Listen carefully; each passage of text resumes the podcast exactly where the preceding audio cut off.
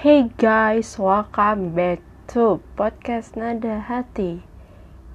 Yay, tangan. Apa sih? Gue gue kaku banget ya ampun. Udah lama banget nggak menyapa kalian Sheila udah berapa? November? Desember? Januari? Februari? Ya udah tiga bulan saya tidak menyapa kalian. Guys oh my god. Sangat sangat sangat canggung. Ya kayak baru ketemu teman mama lagi nggak sih yang udah udah lost kontak terus tiba-tiba nanyain kabar tiba-tiba kayak ngechat lagi kayak ah, ah hai iya. What? Oke okay. hai semuanya. Happy new year by the way. Sekarang udah tahun 2022 udah masuk kita tahun yang baru. Tapi kalian tau gak sih gue tuh masih ada vibes di mana masih zaman zamannya 2020 2020 ya. Gue tuh masih ngerasa gue ada di tahun 2020 karena apa? Kayak nggak tahu aja sih gue tuh masih yang berasa berasa masih di tahun 2020 di mana kayak awal-awal lockdown besar-besaran terus abis itu kayak yang panik buying dan kayak zaman zamannya TikTok banget. Uh TikTok banget. Kayak awal mula artis TikTok tiktokers bertebaran di mana-mana itu kan awalnya dari 2020 yes. Terus dalgona. Bisa apa lagi ya? Kayak uh, apa tuh namanya tuh? Aduh. Kayak mulai Netflix ya apa ya nonton nonton Netflix itu tuh kan mulai di 2020 ya wa ya yang mulai hits banget gitu. Dan gue tuh masih ada di vibes itu. Terus tiba-tiba tau-taunya udah ada di tahun 2022 kita cepet banget coy. Oh my god. Tapi ya udahlah ya nggak apa-apa lah ya. Kira-kira kalian udah ada di satu bulan setengah di tahun yang baru ini apa yang udah kalian dapatkan? Huh, kalau saya tentu saja COVID-19 karena sekarang lagi zaman zamannya covid nih yang lagi tren di tahun 2022 awal tuh adalah covid. Ya kan covid. Ih anjir ya. Gue baru sadar loh? Kita tuh juga dulu waktu 2000 berapa tuh 2020 pun covid kan awal-awal Maret ya tapi awal-awal 2000 eh awal-awal Februari itu COVID itu udah mulai ada di berita, tetapi masih ada di Wuhan, Cina. Nah, sekarang 2022 nih, ya Februari, nih COVID ini merajalela tuh ke mana-mana tuh. Kayak gue aja kena guys. Gue positif sendiri di rumah. Keluarga gue pada negatif, puji Tuhannya. Dan rasanya nggak enak banget positif sendiri di rumah. Lo tau, gue tuh kan nggak bisa keluar keluar ya. Jadi gue bener-bener isolasi mandiri di kamar. Terus kalau mau kamar mandi ya kamar mandi. Nggak usah ke mana-mana lagi gitu kan. Jadi gue cuma kamar tidur kamar mandi kamar tidur kamar mandi. Dan setiap gue habis melewati satu jalanan dari arah kamar mandi atau dari arah kamar gue itu pasti jalanan yang gue lewati itu disemprot pakai disinfektan. Lo tau gak sih kayak yang Husana Allah virus jangan mendekat. Semprot tes tes tes. Hus virus pergi. Anjir. Terus kayak semua barang-barang gue tuh dipisahin gitu baju-baju gue tuh langsung dimasukin ke air panas piring-piring uh, bekas makanan gue tuh langsung dimasukin ke air panas kayak air sabun. Terus kayak handuk gua gua tuh nggak nggak bisa yang jemur atau ngambil handuk sendiri gitu loh. Jadi harus diambilin sama nyokap gue sendiri atau bokap gue. Terus taruh langsung di kamar mandi gue. Terus ya udah. Kayak apa pun setiap kali yang gue pegang itu pasti langsung disemprot pakai disinfektan. Uh banyak gue sampai nyetok 5 liter tuh disinfektan tuh. Karena seseram itu guys covid dan teman-teman gue tuh banyak yang kena covid juga. Dan kayak uh, temen gue punya tetangga dan tetangga mereka tuh kayak yang juga kena covid. Keluarga-keluarga mereka tuh juga kena covid gitu sebenarnya gejala-gejalanya tuh nggak yang signifikan banget ya. Maksudnya kayak ya udah kayak cuma demam terus sama amandel. Nah gue tuh nggak berpikiran covid karena apa?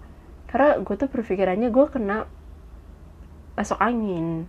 Karena gue tuh pulang terakhir tuh kan gue main jam eh gue main tuh hari senin senin minggu lalu. Terus gue pulang tuh jam satu pagi dari arah blok M. Sambas gue makan sate taichan di sana. Jadi gue dari Nako Depok. Terus gue langsung lanjut ke Blok M di Sambas nah itu gue dari Nako ke Sambas itu pasti tuh ngebut banget gitu kan. Itu gue tuh pokoknya pulang-pulang dari Sambas itu jam satu pagi sampai rumah jam jam satu pagi. Nah kenapa gue berpikiran gue masuk angin? Karena situ baju dan jaket gue tuh tipis banget dan posisinya motornya tuh ngebut kencang banget gitu loh. Jadi gue tuh kena angin dan gue tuh kan nggak terlalu bisa kena angin malam kan. Jadi gue berpikiran yaudahlah paling masuk angin. Dan ya cuma demam sama amandel dan gue emang punya amandel kan. Terus amandelnya tuh bengkak gitu jadi sakit. Ya udah akhirnya karena panasnya nggak turun-turun sama lima hari terus cobalah cek darah. Ternyata pas dicek darah takutnya kan DB ya atau tipes. Ternyata gue tipes nih bener-bener hasil cek darah gue itu tipes. Positif tipes gitu loh. Terus udah gue istirahat tidur. Besokannya setelah cek darah tiba-tiba nyokap gue tuh disaranin buat udah swab antigen aja. Takutnya kenapa kenapa gue kayak anjir anjir. Kayak gue bakal mati di hari ini. Bener pas gue swab antigen itu pertama kalinya gue gue swab ya terus sakit banget. Hidung gue tuh dicolok anjir sakit banget. Dan pas keluar hasilnya terus tiba-tiba si mbak-mbak yang nge-swab gue tuh ngomong tiba-tiba kayak kakak habis kontak kena eh kakak habis kontak sama siapa? Habis pulang dari mana? Terus gue kayak anjir dan gue masih kena nih. Terus gue nanya kan emang kenapa kak? Hasilnya positif. Jeder terus gue kayak oh my god demi apa gue positif? Terus kayak ya udah akhirnya gue isolasi mandiri jadi gue nggak bisa megang barang apa pun yang ada di, di rumah. Di luar kamar gue tepatnya. Ya gitu lah. Yaudah guys gue cuma ingetin kalian untuk stay safe semuanya. Jaga kesehatan prokesnya dijaga. Terus pikirannya juga harus selalu positif kalau bisa ya dan jangan keluar dulu ke mana-mana karena sekarang trennya lagi covid nih. Jadi please di rumah aja kasihani diri lo sendiri dan orang-orang yang lo sayang yang kontak langsung sama lo. Kayak gitu oke. Okay. ya udah daripada berlama-lama langsung aja mulai ke pembahasan selanjutnya. Karena dari tadi gue udah membahas soal covid gue sekarang kita mau membahas soal yang di tiktok. Gue ngambil lagi soal di tiktok nih. Jadi FYP tiktok gue ini ada motor guys.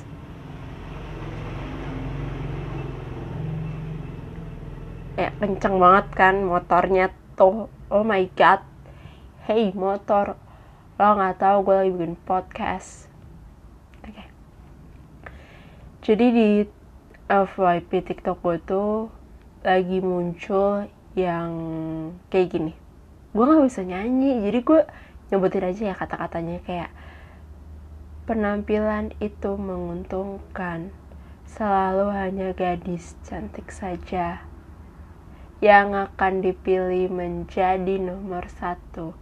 Please, please, please, oh baby.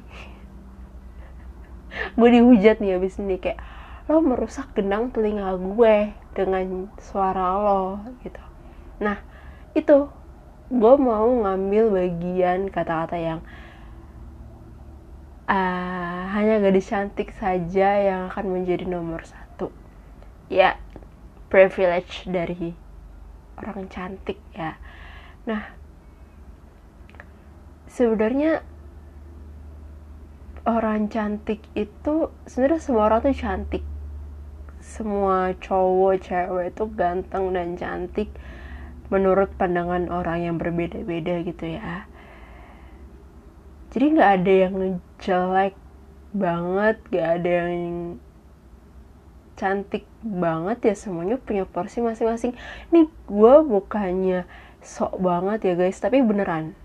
Seriusan beneran kayak gitu kayak gue melihat cowok A nih ganteng banget nih tapi teman-teman gue yang lain kayak apaan sih anjir?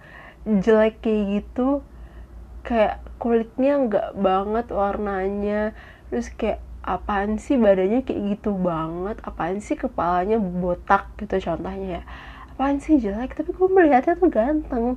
Jadi cantik atau ganteng itu tergantung pandangan orang aja sebenarnya ya Cuma mengenai privilege cantik ini, gue akui di seluruh negara pasti punya privilege untuk orang cantik atau orang ganteng.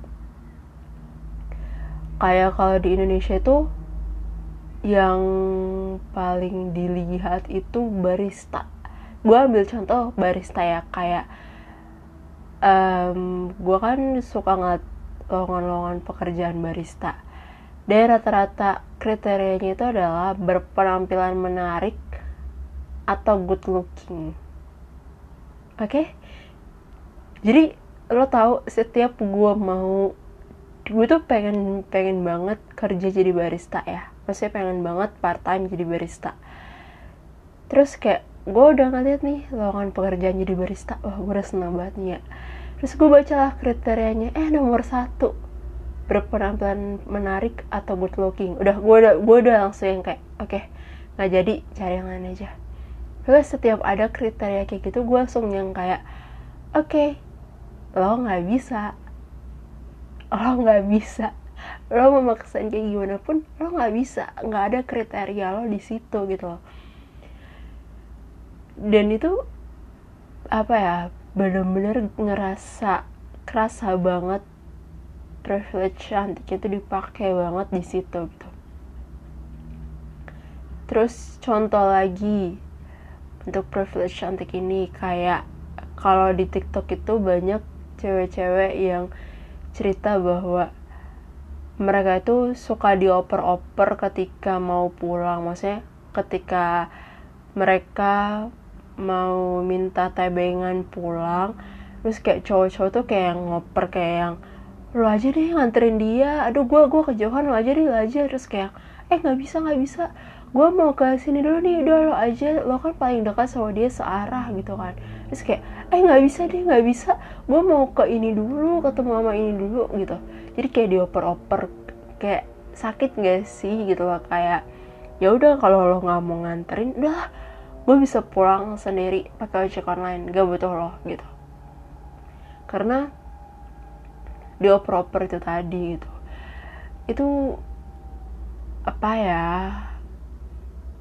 kayak iya sih cantik orang cantik atau orang ganteng itu tuh pasti punya apa ya bukan punya ya tapi kayak lebih enak untuk dipandang dan ya bahasa kasarnya nggak malu-maluin lah ya cuma maksudnya perlakuan orang itu benar-benar sebeda itu banget ketika lagi sama yang good looking atau sama yang biasa aja gitu. Gue punya pengalaman beberapa pengalaman di mana uh, eh, sebagai cewek yang punya wajah pas-pasan gue ini tuh pernah mengalami hal-hal yang tidak adil uh, dalam hal privilege cantik itu sendiri gitu. Gue inget banget waktu SD gue tuh dibully habis-habisan waktu SD jadi dari SD itu gue udah dibully dari kelas 2 sampai kelas 6 sampai lulus tuh gue masih gue masih dibully. Dan gue inget banget waktu kelas 6 jadi posisinya tuh uh, mau apa namanya kita kita tuh lagi latihan buat perpisahan. Jadi dibagi lah per kelompok gitu kan. Dan kebetulan angkatan gua SD itu cuma ada 36 orang. Lu bayangin satu angkatan cuma ada 36 orang cuma satu kelas doang. Terus uh, gue tuh ngedance sama tiga orang temen gue jadi gue sama tiga orang teman gue ini tuh ngedance gitu lah. Ngedance apa uh, K-pop apa ya SNSD kalau nggak salah. Lagi zaman zamannya SNSD gitu kan. Nah jadi ada satu formasi dari koreografi dance gue ini adalah gue sama teman gue ini tuh berdiri dua orang ini tuh berdiri uh, menghadap ke penonton. Terus ada teman gue yang dua lagi tuh kiri kanan yang mengapit gue sama teman gue yang berdiri. Nah teman gue ini yang yang kiri kanan yang mengapit gue di tengah-tengah sama teman gue ini tuh mereka kayak berlutut pakai satu kaki terus menghadap ke kita. Kayak seolah-olah kayak apa ya kayak lagi lagi menyembah gitu lah. Kayak bukan menyembah ya apa ya ya pokoknya kayak gue sama teman gue ini berdua di tengah mereka berdua tuh di pinggir uh, di bawah kita sambil ngeliat ke arah kita. Cuma kalau kita berdua tuh ngeliat ke penonton. Ya gue berharap uh, pada paham lah ya yang gue maksud gitu kan. Terus uh, ada satu kejadian di mana gue eh temen gue ini tuh nggak masuk. Yang berdiri bareng sama gue ini tuh nggak masuk gitu kan dan di situ posisinya guru gue tuh nyuruh buat kelompok-kelompok yang udah siap uh, buat penampilan yang udah latihan maju ke depan untuk latihan lagi gitu kan. Terus gue maju lah nih dengan pedenya sama tiga teman gue ini. Gue maju. Nah dikarenakan uh, teman gue satu ini yang berdiri sama gue di tengah ini nggak masuk karena otomatis teman gue yang dua ini tuh kan menghadap ke gue ya dua-duanya kan. Terus gue tengah-tengah kan. Terus lagi koreografi itu sorry guys ada motor. Terus lagi koreografi itu tiba-tiba dari arah belakang itu ada beberapa cowok-cowok gerombolan itu yang yang teriak kayak gini. Ratu kali lo ah sok cantik sok di tengah-tengah kali sok disembah sumpah lo bayangin anak SD ngomong kayak gitu tuh kayak itu sakit banget guys pas gue diomongin kayak gitu. Terus gue setelah selesai latihan itu setelah selesai maju ke depan buat nunjukin dance gue buat dinilai juga sama guru gue ini kira gue balik lah ke tempat duduk kan terus istirahat. Terus pas istirahat itu cowok-cowok gerombolan yang tadi neriakin gue kayak gitu tuh nyamperin gue kayak yang lo so cantik banget di tengah-tengah kayak gitu tuh biar apa sih? Di tengah-tengah kayak gitu biar jadi ratu biar jadi princess atau apa. Terus di situ gue cuma ngomong ya kan emang koreografinya kayak gitu? Terus koreografinya harus kayak gimana? Kan temen gue yang satu lagi kan gak masuk. Terus harusnya kayak gimana? Terus mereka langsung kayak kicep diem terus langsung pergi. Terus gue kayak anjir ya padahal kayak gue tuh nggak nggak merugikan mereka. Tapi kenapa mereka se gak suka banget kayak gitu loh? Terus abis itu gue juga punya pengalaman gue juga di gue pernah dioper-oper pas mau pulang. Gue nggak ditawarin tebengan itu gue pernah banget dan rasa sakit banget. Makanya kenapa sekarang gue tuh kalau ke mana-mana pasti memilih untuk bawa motor sendiri? Ya karena itu gue takut dioper-oper kayak eh lo pikir gue barang dioper-oper lo kalau nggak mau nganterin gue juga nggak apa-apa. Gue punya ongkos gue punya duit gue punya harta benda bisa gue jadiin uang buat gue pulang naik ojek online lebih aman lebih safety.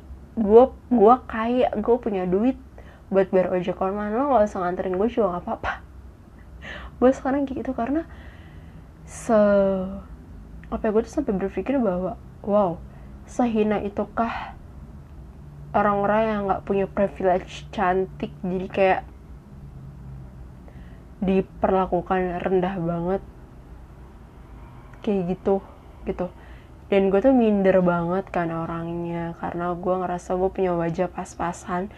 Jadi pas ketika kalau lagi ngumpul sama temen gue tuh kayak lebih milih diem cuma ya kalau gue diajak ngomong ya gue gue nyambung gue punya pengetahuan yang cukup luas gitu. Dan gue baru banget baca di twitter kayak setidaknya kalau lo nggak cantik ya lo punya wawasan yang luas lo bisa public speaking uh, apa public speaking lo tuh bagus. Jadi lo tuh masih punya privilege di situ gitu. Dan gue juga kayak yang sebenarnya orang cantik tuh kayak gimana sih gitu loh? Apakah yang harus putih langsing uh, gigi rata wajah enggak penyok sebelah sih? Penyok sebelah tuh kayak gede kecil sebelah. Terus rambut yang bagus. Kayak gitu. Haruskah seperti itu orang cantik? Kan enggak ya kayak kita tuh kan diciptakan unik masing-masing gitu loh. Jadi cukup lah untuk memperlakukan orang kayak gitu gitu loh. Gue setiap membaca atau mendengar cerita tentang privilege cantik gitu ya bagaimana orang-orang cantik diperlakukan tuh kayak anjir seandainya tuh gue. Seandainya gue cantik pasti gue akan diperlakukan kayak gitu. Gue punya teman-teman gue punya teman-teman cewek yang cantik-cantik banget gitu ya. Dan bener-bener kayak mereka itu kalau mau pulang pasti kayak tanyain lu pulang naik apa? Udah sama gue aja. Nggak usah naik ojek online nggak usah naik gojek udah sama gue aja. Terus kayak kalau nggak kayak yang uh, lu nanti ke sana sama siapa? Udah sama gue aja terus nanti yang kayak uh, mukanya cemberut nih terus pasti tanyain lo kenapa kok cemberut? Terus kayak yang tiba-tiba uh, eh gue lapar nih lo makan nggak? Yuk makan bareng yuk. Sedangkan gue yang wajahnya pas-pasan tuh nggak diperlakukan kayak gitu gitu loh kayak yang ya udah kayak tanya eh lu pulang naik apa? Oh naik ini oh yaudah hati-hati gitu doang ya gimana ya gitu. Pasti setiap negara tuh punya dan memiliki privilege cantik itu sendiri gitu loh. Tapi ya bagaimana maksudnya kalau kita tahu di mana-mana tuh pasti bakalan ada privilege untuk orang cantik. Ya kita yang tahu rasanya diperlakukan kayak gitu seharusnya sebisa mungkin tidak memperlakukan orang lain seperti itu gitu maksudnya kayak yang ya udah mau temen lo punya wajah yang kayak gimana punya penampilan yang kayak gimana ya dia temen lo dia juga manusia yang patut dan yang pantas untuk ditemenin, yang pantas untuk diperlakukan dengan baik, yang pantas untuk dicintai juga, yang pantas untuk diterima dengan baik. Nggak ada manusia yang buruk rupa, yang buruk rupa itu cuma dari perlakuannya doang, cuma dari perkataannya, cuma dari sikapnya dia doang, tapi fisiknya nggak ada yang buruk rupa. Semuanya tuh cantik, menurut pandangan orang masing-masing gitu. Jadi udah kalau kata Harry Styles mah treat people with kindness. Ya uh, kayak gitu aja teman-teman please banget memang privilege cantik itu ada privilege untuk orang-orang cantik orang-orang ganteng tuh memang, ada tapi bagaimana sebisa mungkin kita harus memperlakukan orang dengan adil dan harus bisa memperlakukan orang dengan baik karena mereka pantas untuk diperlakukan dengan baik. Segitu aja podcast Nada Hati pada malam hari ini. Dan sampai bertemu di podcast selanjutnya. Bye bye.